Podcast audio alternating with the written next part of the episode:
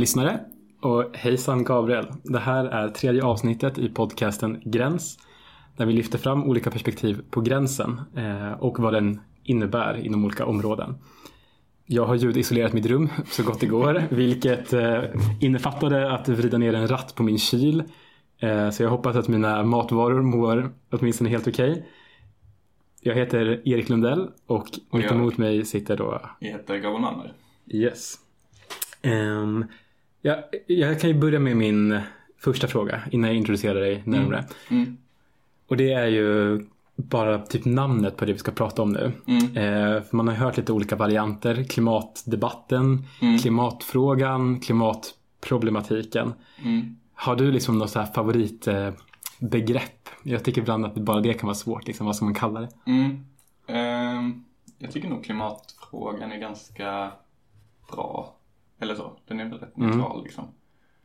För kanske tio år sedan pratade man mycket mer om växthuseffekten.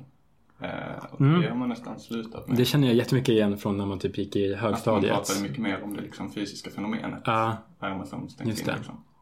Och nu är det mer eh, klimatfrågan. Eh, just det.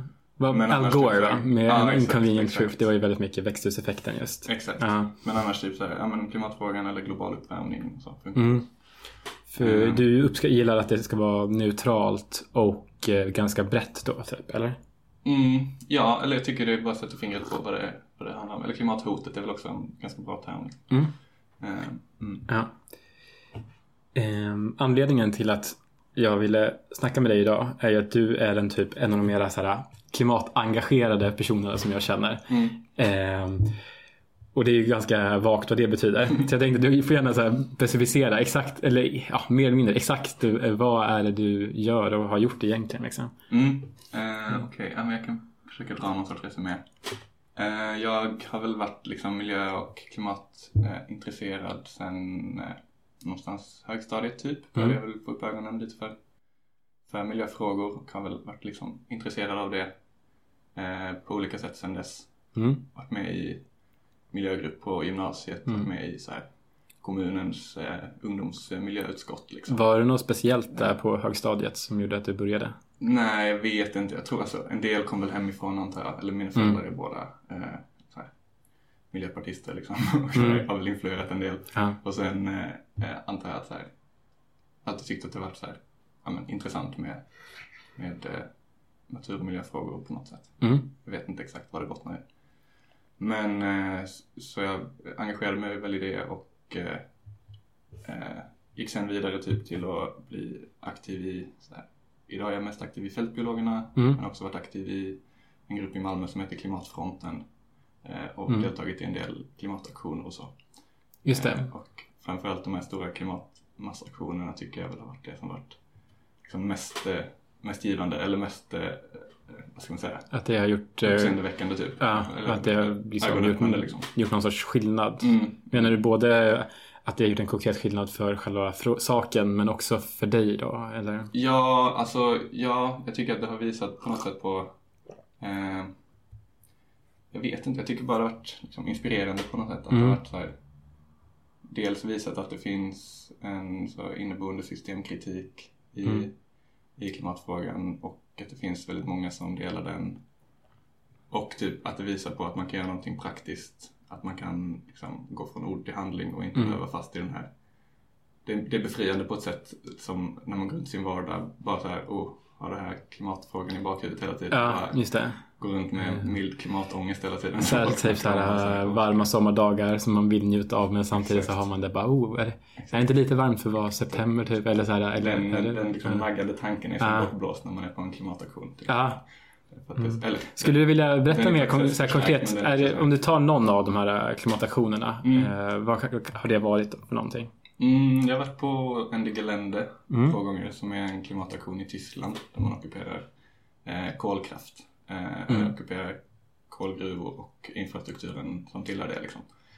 Eh, och då mm. eh, samlas man eh, från hela Europa eller hela världen eh, i ofta grupper om kanske de senaste gångerna har det varit 5-6 tusen.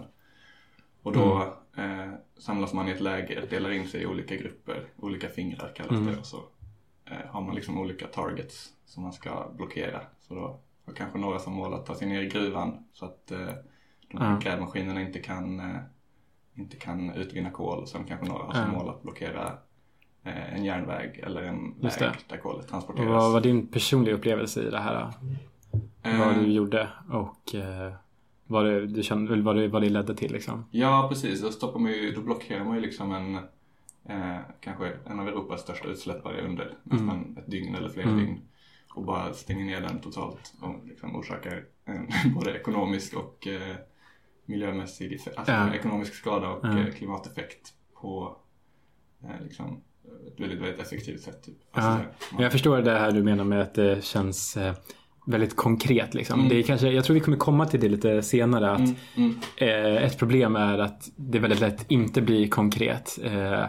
Eh, ehm, eller sp- speciellt kanske på typ en politisk nivå därför att det som man riktar kritik mot är så stort och som du sa att det blir en inneboende systemkritik. Att mm, det blir lätt att man eh, pekar på någon Mm, ja, eller inte pekar mot någonting kanske snarare. mm, Men här blir det väldigt, väldigt tydligt. mm. Och att de då tvingar, eller, eh, jag vet inte, vad heter företaget? Eller är det ett företag? Det Eller, har varit mot lite olika företag. Ah, Men okej. tyska kolkoncerner. Typ, Tyska eh, kolkoncerner. RWE eller Vattenfall Ah. vattnet också i Ja, till exempel. just det. Ja, men det blir verkligen att de måste reagera. Precis. Att istället för att man själv reagerar på någonting så måste man tvinga man någon att reagera på en själv. Jag tror att det är en, en, en styrka liksom. Mm, Ja, precis. Eh, Okej, men du har alltså träffat då ganska breda lager med andra ja, klimatengagerade då. Mm. Det skulle jag nog säga. Då är jag lite nyfiken på om du skulle säga att du är representativ i dina åsikter eh, bland de här personerna du har möts, mött. Mm. Ja, oj det är en bra fråga. Jag vet faktiskt inte exakt. Jag skulle nog säga att klimatfrågan har varit lite som en ingång för mig till mer liksom eh, en mer, ska man säga, radikal världsåskådning överlag typ. Eller att jag har blivit mer systemkritisk Ah. eh, överlag på grund av klimatfrågan. Vad skulle du säga radikal i vilken bemärkelse Ja, då? men i så här ekonomisk och social bemärkelse också. Mm. Typ att jag eh, har blivit mer åt det liksom, eh, ska man säga, socialistiska hållet tack vare klimatfrågan. Liksom. Just det. Jag har eh, öppnat ögonen typ och så här, öppnat ögonen för andra, andra aspekter också. Typ. Mm. Ehm, om, jag, om jag är representativ för klimatrörelsen i allmänhet? Um, ja, kanske inte riktigt. Eller jag vet inte faktiskt. Nej. Det är svårt att säga. Skulle du kunna rita ut eh, lite olika riktningar inom rörelsen då? Skulle du kunna säga att det finns de här och de här och de här? Ja, men det skulle man kunna säga. Eh, vi skojar faktiskt om det efter eh, senaste klimataktionen att det finns liksom olika, lite olika falanger typ. Det finns dels typ så här hippiefalangen kan man säga, de som bara är så här, Just det. Tillbaka till Eh, Jord. grönsakskommunisterna. Exakt. De som är väl ganska lätt att raljera över de som kanske. är väldigt lätt att reglera, Ja. som man ofta retar sig lite på, som är väldigt så här noggranna med att det ska vara pacifistiskt och att man bara ska vara där och leva i nuet. Och så. Ja, men det är Ja. en öppen dörr och raljera över det liksom. Mm. Det är väl, men en, en eh, betydande gren liksom. Så här. Bara ta hand om Moder Jord typ, inte så mycket mer till det typ. Nej, Eh, Utan bara så här. Okej. Nu... En Nu, hippiefalangen kan man ja. Mm. men du skulle säga att du kanske inte... Nej, jag skulle nog inte säga det. Sen finns det den falangen som jag väl får erkänna mig mer till som är typ den mer akademiska falangen. Som Mm. är så här, akademiker som ser sig som lite woke som åker på, Ja, eh, åker på aktioner för att de eh, håller med på ett teoretiskt plan och vill omsätta det i praktiken typ. just det. Ja, men bra. Det här eh, knyter faktiskt an med en annan fråga som jag hade. Mm. Som jag tänker är ganska bra inför det vidare Och sen, samt... en ja, tredje, ja, och den absolut. tredje absolut. gruppen är också typ så här, ja, men mer så här svarta block typ, mer anarkister som vill, som vill bråka typ, som inte alls bryr sig om icke-våldsprincipen så mycket utan mer Nej. så här, eh, ja men, så här, eh, så ta varje tillfälle till kravaller typ som finns. Så. Ja, Det är väl i, om man ska generalisera i, i grova drag så här. Eh, just det. Ja, men då känns, känns det kanske lite som att eh, du sa att eh, själva miljöengagemanget eh, Mm. har tagit dig vidare in på andra eh, typer av radikala åsikter. Mm. Eller ja, förhållandevis radikala åsikter. Mm. Eh, då känns det ju som att det nästan kanske man kan säga det rena miljöengagemanget. Mm. Det är eh, det här hippie-liknande. Mm. Och sedan när det typ måste konkretiseras och riktas mot någonting känns det Mm. som att man då måste nästan gå. Eller du tycker att det känns som den självklara vägen då att gå Ja. mot... Ja, jag har väl mer och mer tröttnat på det här perspektivet att man ser miljö och klimatfrågan som helt separata politiska frågor. Typ. Mm. Och så här, särskilt eh, typ klimatfrågan, att man behandlar det som en, som en, en sfär bland andra. Typ så här, oj, vi har ekonomin, vi har eh, sjukvården och skolan och sen har vi klimatet. Typ. Just det. Mm. det går inte riktigt att, att se på det på det sättet tror jag. Ja. Det är en så sammanvävd del av, av liksom, ah, jag vet inte.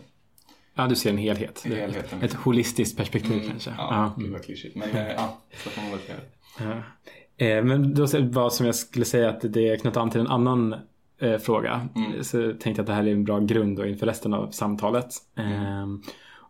Och, eh, vilket förhoppningsvis gör att, nu, att du ger mig ett positivt svar här. Att det, Mm. Om du är intresserad kring att överhuvudtaget teoretisera kring eh, klimatet på det här sättet. Mm. Eller om du tycker att det kan vara ett hinder mot äkta förändring. Att du hellre ser lite mera pannan i betongen eh, engagemang, liksom, demonstrationer och sånt. Mm. Aha, om, det, om jag... Ja, tycker du att är båda delar viktiga? Liksom? Eller uppskattar du ändå att samtala om Ja, det eh, skulle jag väl säga ja, att jag gör. teorin bakom? Absolut. Eh, ja. Okej. Det är väl ändå... Eh, man måste ju ha någon sorts vision, typ, eller, eller någon sorts... Konkretisera någon sorts mål att jobba kring. Att, annars, ah, jag vet inte. Mm, Okej, Mm. ja, men det är bra. Som tur. Ehm, då så ehm, tänkte jag en sista fråga Mm. om dig innan vi går vidare till det mer diskuterande. Mm. Ehm, Du tycker då som sagt att klimatet eh, är en viktig fråga. Eh, Men jag undrar om du har någon liksom annat, eller vad ditt liksom grundläggande mål i engagemanget? Ehm, Om man ser det som en så etisk fråga. Vad är det liksom, förutom att säga då väldigt abstrakt, rädda klimatet. Mm. Då är frågan kanske den vidare frågan, varför ska man rädda klimatet? Varför Mm, tror du mm. att vi behöver rädda klimatet? Mm. Eh, Jag har lite exempel då. Är det typ för att leva vid det välstånd vi har nu? Skulle du säga att det är att eh, bespara mänskligt lidande? Eller tror du att det är så extremt att det handlar om ja, men livet här på jorden eller åtminstone det mänskliga livet på jorden? Mm. Ehm, bra fråga. Jag skulle nog säga att det är främst för att eh, ja, men av dem bespara mänskligt lidande. Skulle jag nog säga. Mm. Jag tror inte att mänskligheten kommer kollapsa totalt.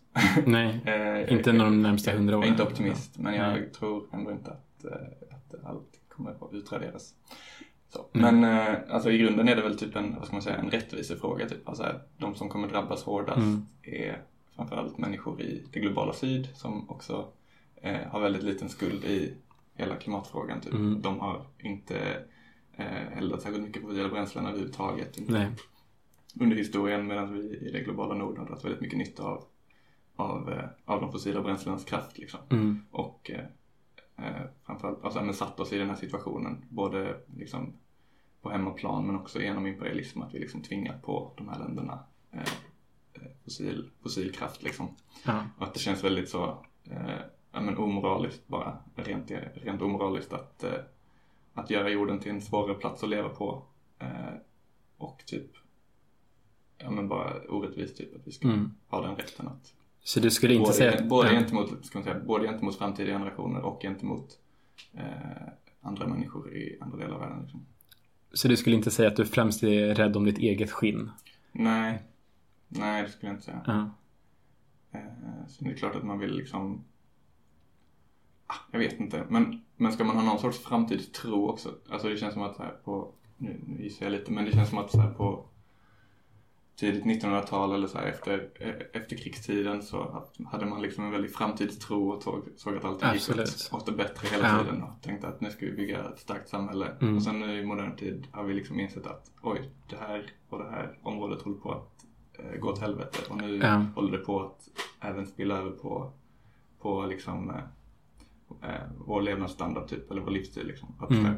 Det är väldigt troligt typ att klimatförändringarna kommer få så stora konsekvenser det blir en tuffare värld att leva i. Att fler kommer att dras ner i svält och fattigdom. Liksom. Ja. Ehm, så typ, jag har svårt att se typ en, eh, en bättre framtid där vi inte tar itu med klimatfrågorna. Liksom. Liksom, helt generellt.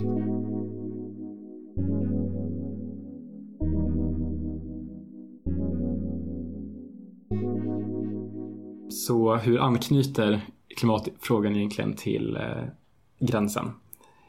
Jag skulle säga så här, att klimatfrågan ofta ramas in av olika gränser. Eh, till exempel tvågradersmålet, eh, olika former av bärgränser. Mm. Eller när man hör talas om sådana här siffror som att svenskar konsumerar åtta jordklot eller sex jordklot eller vad det nu är för någonting. Mm. Men sen har vi också gränser som man är rädd att om vi överträder dem så hamnar vi i feedback-loopar. Det är också sånt man har hört talas om. Mm. De här gränserna legitimeras av vetenskaplig forskning och betraktas närmast som fysiska kausala gränser. Alltså att om man överträder den här gränsen så får man en viss konsekvens. De är väldigt konkreta på det sättet. Mm. Ehm, jag skulle säga att det här är ju på ett sätt väldigt neutrala fakta. Som sagt, man har tagit fram dem via en vetenskaplig metod och så. Mm. Men genom att peka ut gränserna så konkretiseras miljöfrågan också. Som vi pratade om tidigare så är det väldigt lätt att den blir abstrakt. Eh, och när frågan konkretiseras så konkretiseras även målen, vad det är för någonting man egentligen vill uppnå. Och jag tror att genom att vi gör, den här konkretiseringen av målen eh, och frågan i sig, att det delvis får ett pedagogiskt syfte, att det blir lättare för någon att berätta varför gör vi det här? Mm. Så. Eh, men jag tror också att det fungerar som en ren tankemodell för en själv när man ska tänka över hur man går tillväga att nå målen.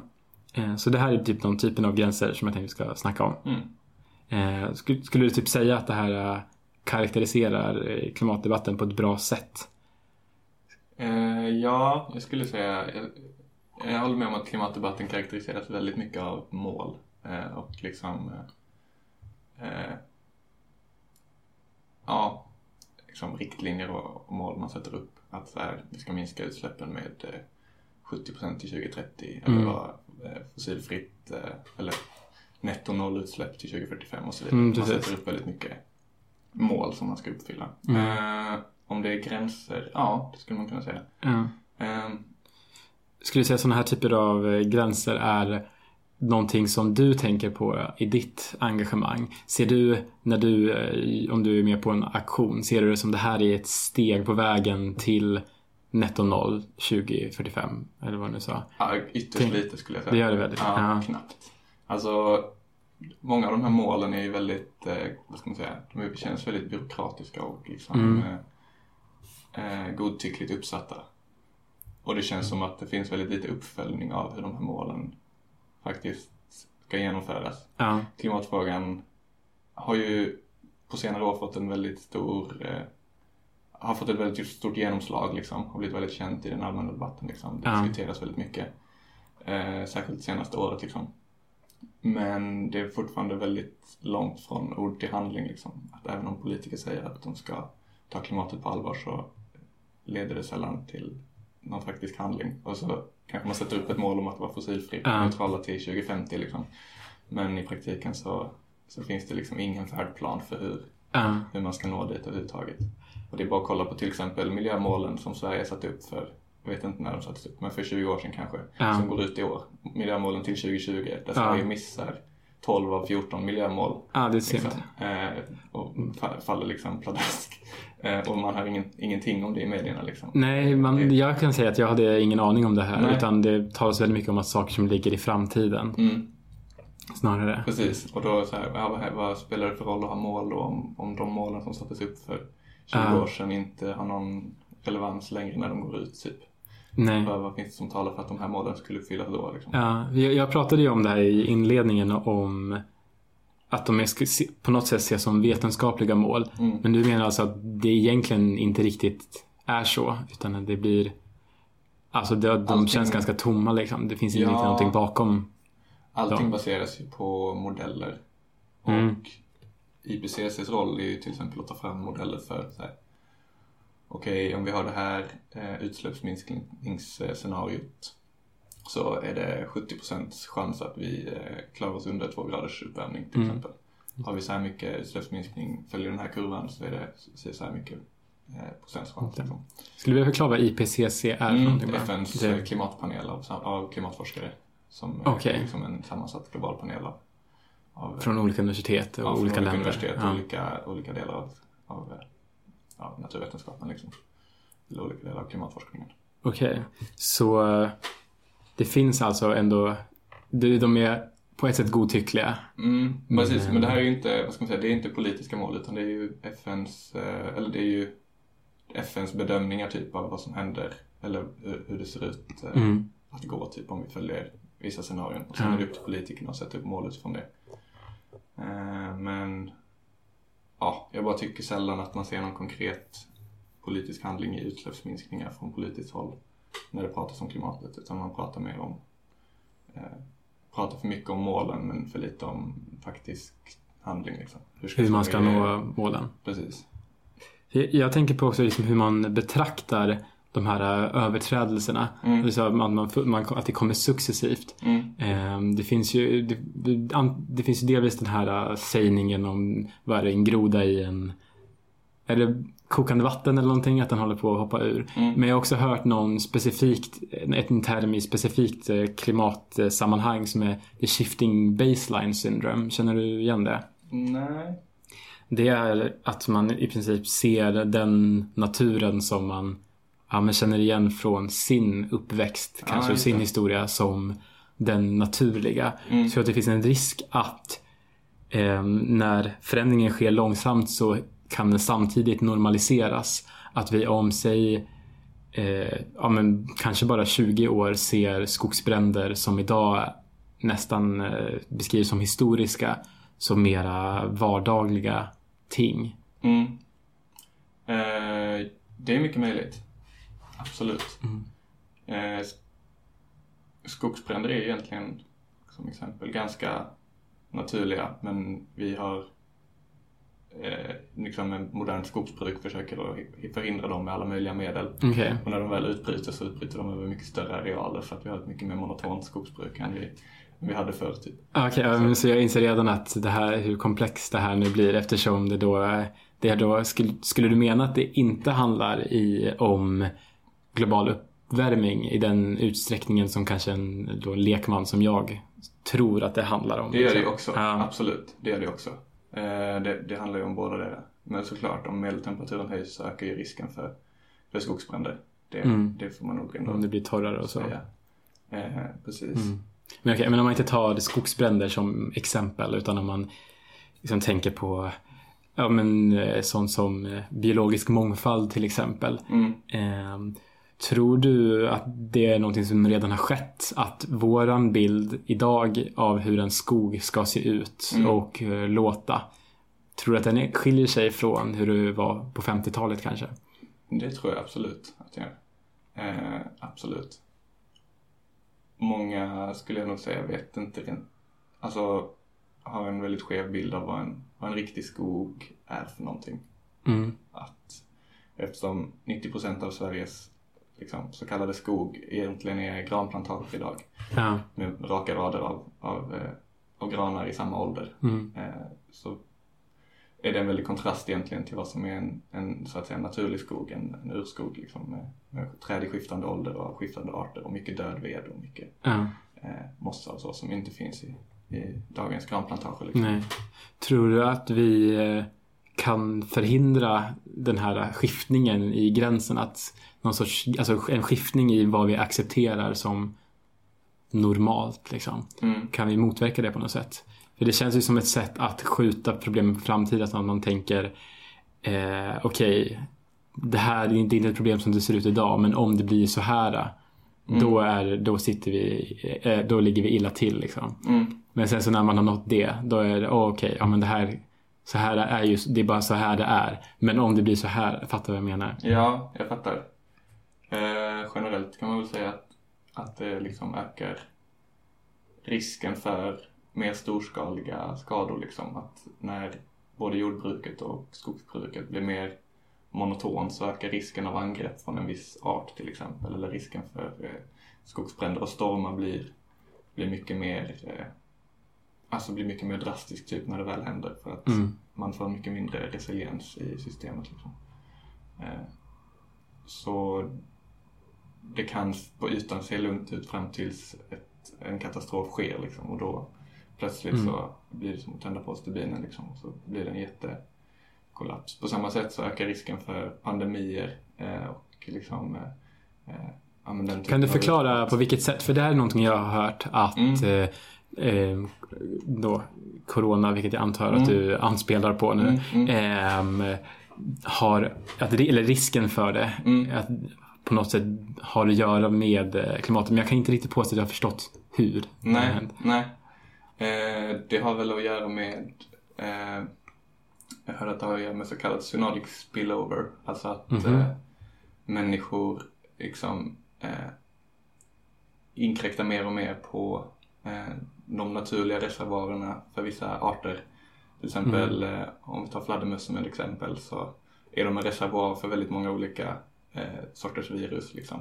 Både coronavirus och rabiesvirus och så bär de. Ah, Okej, okay, att de eh, är de, värdar för... De är liksom värdar för de här ah, virusen mm. naturligt bär på dem mm. utan att själva ta skada av det. Och när människor då liksom mer och mer börjar inkräkta på deras sfär typ så eh, så ökar risken för att de här virusen byter värld och tar sig över till en ny art liksom, för att okay. fortsätta mm. sin överlevnad. Mm. Eh, eh, om jag förstått det rätt. Jag är inte expert på, ja. på virus men, eh, men okay. ja, men jag tror något, något i den stilen. Uh, vi har ju pratat nu om eh, hur problemformuleringen i termer av olika gränser som sedan blir till mål mm. eh, kanske inte uppfylls eh, och på så sätt blir tomma. Mm. Men tror du att det här synsättet på ett annat sätt eh, liksom för tankarna till ett visst synsätt på miljön eh, och vilka lösningar man kan eh, tänka sig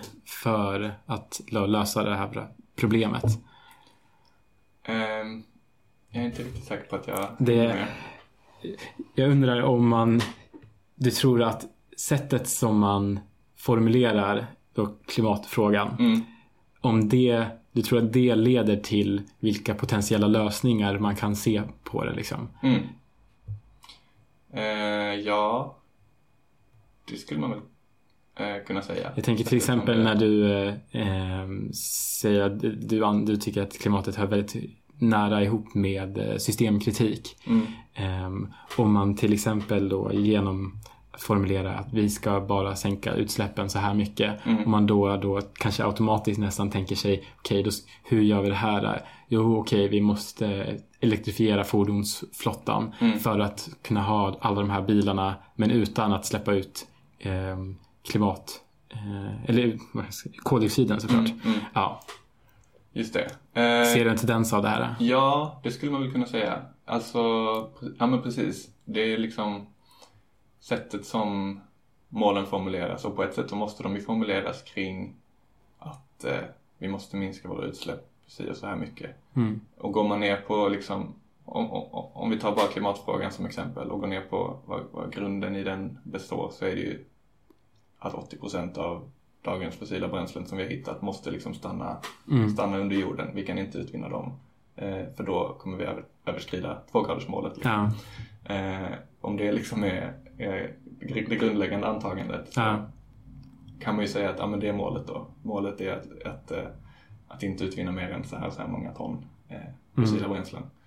Men då måste det följa delmål på det liksom och ju, fler, ju längre man går desto mer liksom eh, desto mer abstrakt blir det ju typ och desto mer komplex blir ju frågan. Så det ja. som från början är väldigt simpelt, att vi måste lämna så här mycket fossila bränslen under marken, mm. blir ju väldigt eh, svårt när man sen ska dela in det i, i, eh, i olika delar. Liksom. Mm.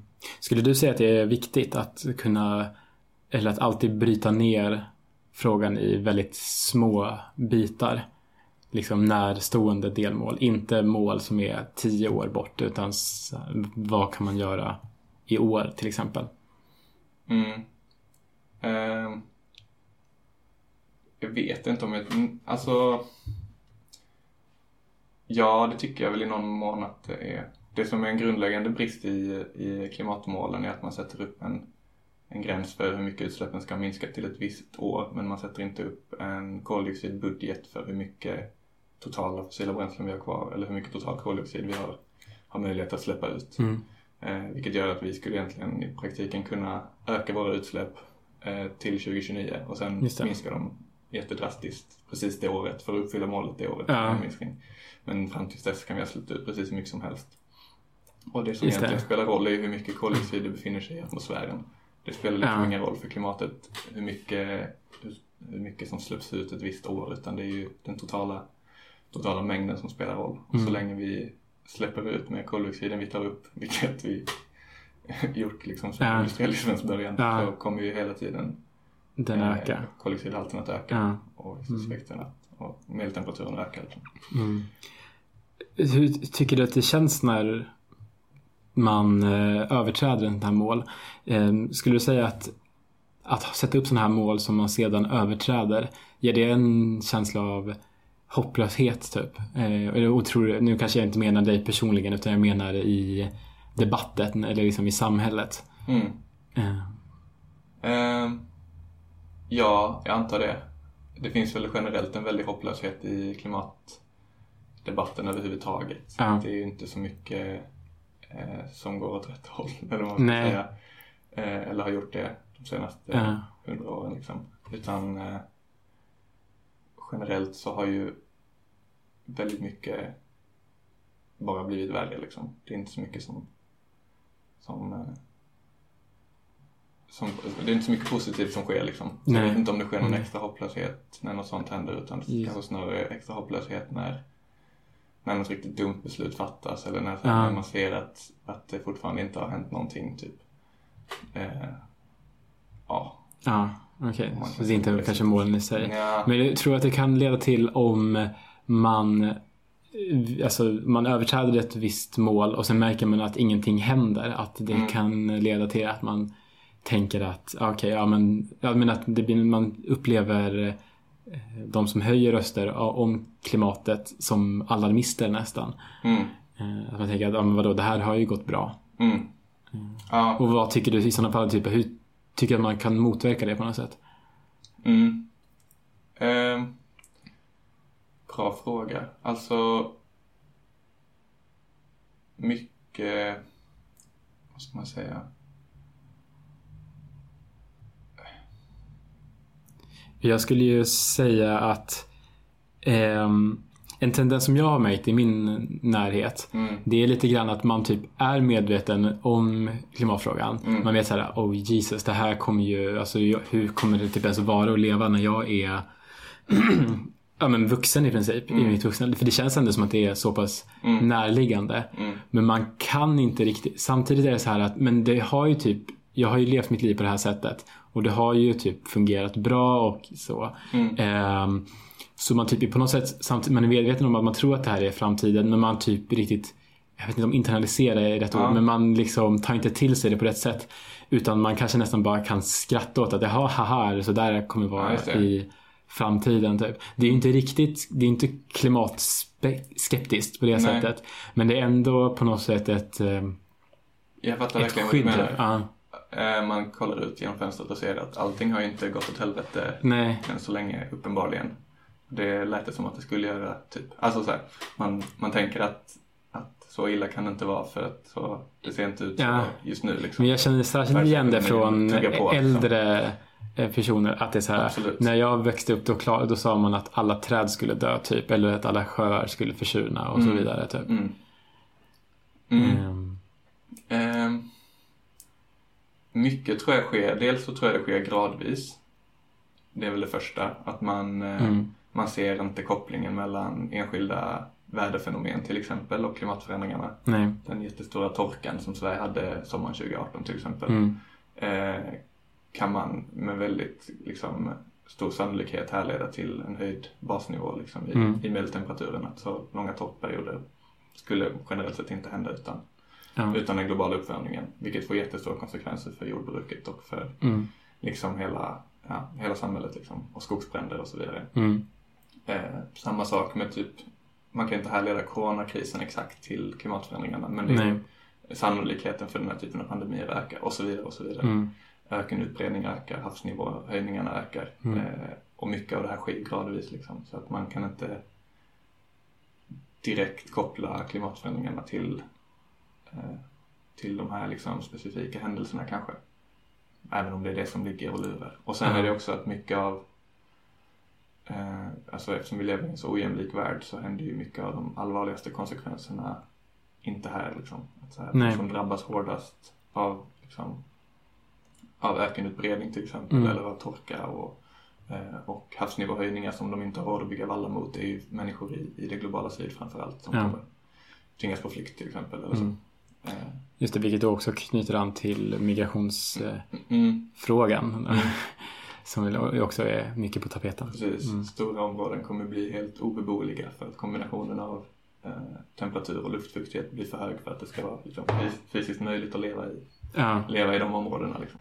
Om mm. stora delar av jorden som, som liksom, miljarder människor idag lever i kommer bli obeboeliga eh, så finns det väl inte riktigt på kartan att behålla eh, de liksom bevakade gränser och nationalstater som vi har idag ja. på det sättet. Mm. Om, de, om deras regioner kommer bli helt eh, liksom, ja, men obeboeliga ja. helt enkelt. Ja, ja. Lite mer krystat eh, angående gränser så är ju, har ju klimatfrågan blivit en väldigt stor eh, politisk gräns en, liksom, som delar, mm. delar upp politiken i två alltså, ganska stora läger. Mm.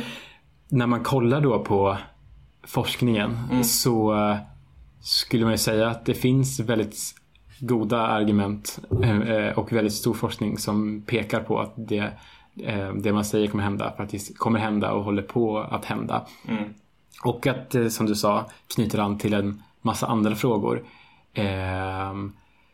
Varför tror du att det fortfarande kan vara en sån politisk skiljelinje?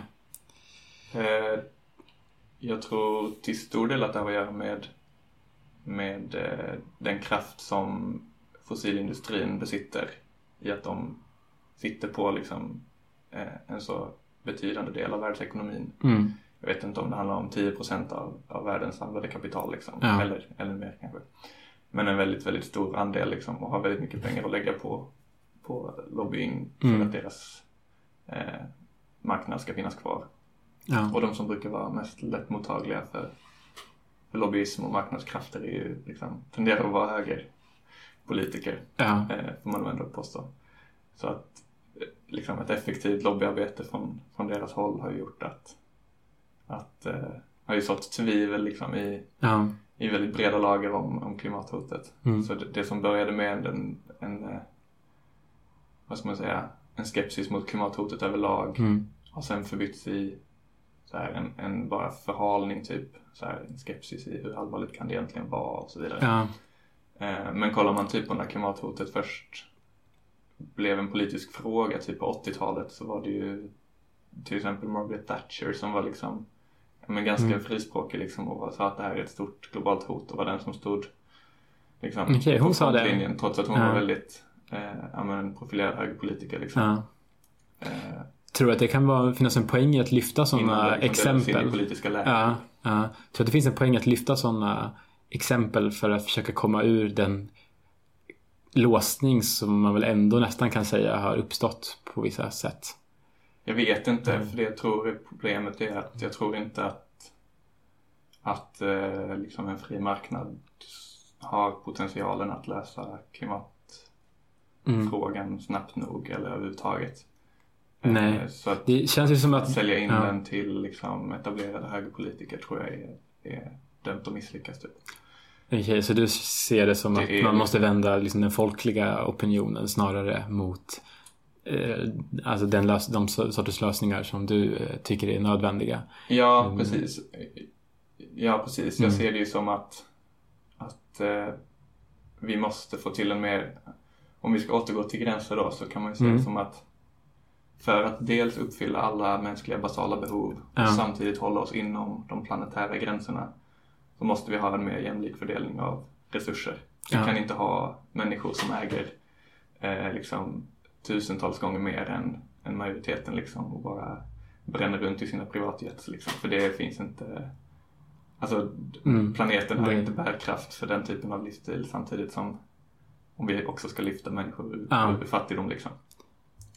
Eh, så skulle man kunna säga det. Det var bra. Jag, eh, funderade på vad avsnittet skulle kallas. Mm. Jag visste att det skulle vara någon typ av gräns. Men jag funderade på ekologins gränser, planetens gränser. Mm. Men eh, jag tror att just de planetära gränserna mm. är ett bra ja, men ta det. Det, det är ganska bra. Eh, så med de orden så tackar dig mm. Gabriel för ett intressant samtal eh, om klimatet och eh, olika gränser kopplade till det här. Är sista... Kul att få vara med. Ja. Eh, ja. Och jag heter Erik Lunde.